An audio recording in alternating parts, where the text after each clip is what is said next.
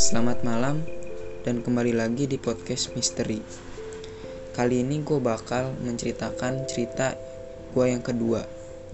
Sebelumnya gue pernah cerita kisah nyata gue di podcast misteri season pertama yang judulnya Waktu Subuh. Dan malam ini gue kembali lagi menceritakan hal mistis yang benar-benar gue alami dan gue rasakan. Dan sebelum mendengarkan podcast misteri ini, jangan lupa pasang headset, matikan lampu, dan hati-hatilah. Kalian bisa share juga podcast ini ke teman-teman kalian. Dan agar kita cepat langsung selamat mendengarkan. Jujur, sebelumnya gue ini hanya manusia biasa dan bukan orang yang bisa ngeliat begituan. Gue pun tidak terlalu percaya dengan hal-hal mistis atau hal-hal gaib. Kejadian ini gue rasakan sekitar tahun 2018. Tempat kejadian ini di kampung gue. Dan di sini gue tidak mau menyebutkan nama tempat agar menjaga nama baik tempat dan daerah itu. Awal mula gue dan keluarga persiapan untuk pergi pulang kampung. Segala persiapan sudah selesai. Dimulai dari kemas pakaian hingga mengecek mobil. Gue pun berangkat dengan keluarga gue sekitar jam 11 Kenapa gue berangkat sekitar jam 11 malam? Karena gue ingin menghindarkan kemacetan. Gue berangkat itu di hari Kamis. Dan sebelumnya gue berangkat, gue selalu diingetin sama kedua orang tua gue. Agar setiap melakukan aktivitas selalu diawali dengan berdoa. Dan di sini gue ngebantah omongan kedua orang tua gue. Dan gue posisi gue lagi asik dengerin musik. Gue langsung bilang ke bapak gue Iya iya pak, nanti baca doa kok ganggu aja bapak ini kan aku lagi asik dengerin musik. Bapak gue langsung nyeletuk dan ngomong, kamu jangan sekali-kali menyepelekan doa, nyaut kata bapak gue. Dan akhirnya sekeluarga gue langsung berangkat menuju ke kota A. Di tengah perjalanan, kejanggalan pun mulai. Dari mobil gue habis bensin di pinggir tol, dan gue mulai merasakan berat di bagian pundak, pundak gue. Dan alhamdulillah, gue dapat bantuan dari orang yang juga ingin pulang kampung.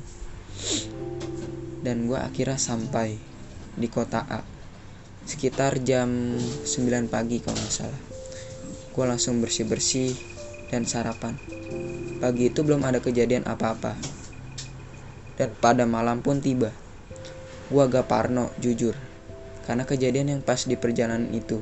Tapi gue selalu positive thinking aja dan nggak tahu kenapa.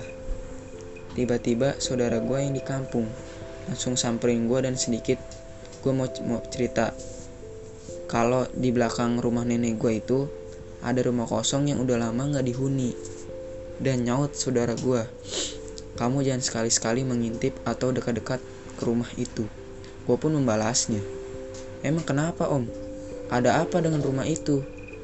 Gak tahu kenapa saudara gue, maksudnya om gue langsung mengalihkan pertanyaan gue tentang rumah itu.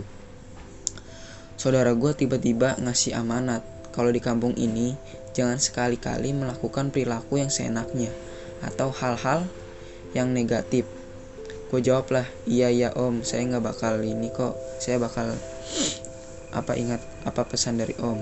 Dan entah kenapa, gue itu ngantuk dan langsung tidur.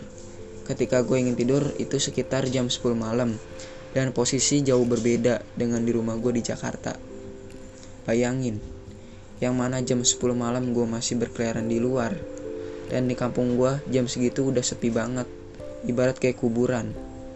Dan akhirnya tidurlah gue, dan gue kebangun sekitar jam 1 pagi.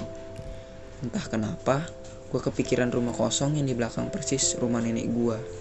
Karena gue gak bisa tidur dan nahan rasa penasaran gue terhadap rumah itu.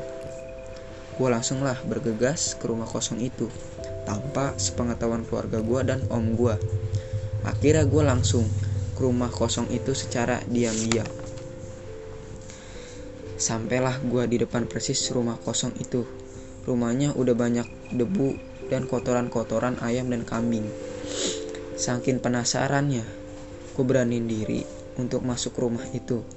Sesampainya masuk, gue langsung merinding.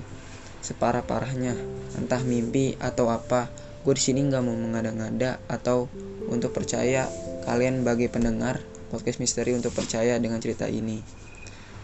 Gue di sini hanya menceritakan apa yang gue alami. Dan gue lanjut lagi ke mana ceritanya. Orang gue ngeliat orang tinggi besar berbulu dan tingginya itu kira-kira hampir seatap rumah logika aja. Emang ada orang yang hampir tingginya seatap rumah. Dan situ gue nggak bisa ngelakuin apa-apa. Karena gue nggak bisa ngelakuin apa-apa yang gue lihat itu udah di luar nalar. Yang hanya gue bisa lakuin pada saat itu hanyalah baca-baca doa yang gue hafal dan ingat sama yang pencipta sang pencipta maksudnya. Alhamdulillahnya makhluk itu menghilang dan langsung ku lari sekencang-kencangnya untuk balik ke rumah nenek gue ku baru sadar dan ingat dengan omongan om gue kalau gue tuh baru melanggar apa yang sudah diamanatkan tentang rumah itu pada gue dan dan jangan melakukan hal yang seenaknya di sini. Gue dapat hikmah dari cerita ini. Kalau kita harus bisa menghargai atau mendengarkan apa perkataan orang yang sudah lama tinggal di situ. Dan kita hidup tidak sendiri, kita hidup berdampingan dengan mereka. You know lah mereka itu siapa. Dan gue akhirnya tahu kenapa om gue ketika ditanya tentang rumah itu langsung mengalihkan pembicaraan. Dan di sini gue nggak ingin buat lo yang para pendengar untuk percaya cerita misis gue. Di sini gue hanya menceritakan apa yang gue alami kejadian di luar nalar itu. Dan mohon maaf kalau ada nada suara gue atau gue yang ngomong terbilit-bilit atau yang kurang jelas atau kekurangan podcast ini. Dan terima kasih. Dan dari pod podcast ini gue dapat hikmah. Kita tidak boleh, kita tidak boleh menyepelekan hal-hal kecil sedikit pun dan harus bisa menghargai mereka yang berbeda alam dan tidak melakukan perilaku yang seenaknya kita. Dan gue dari podcast misteri, selamat malam dan terima kasih. Dan sebelum mengakhiri pendengaran podcast misteri, kalian bisa share ini ke teman-teman kalian. Terima kasih.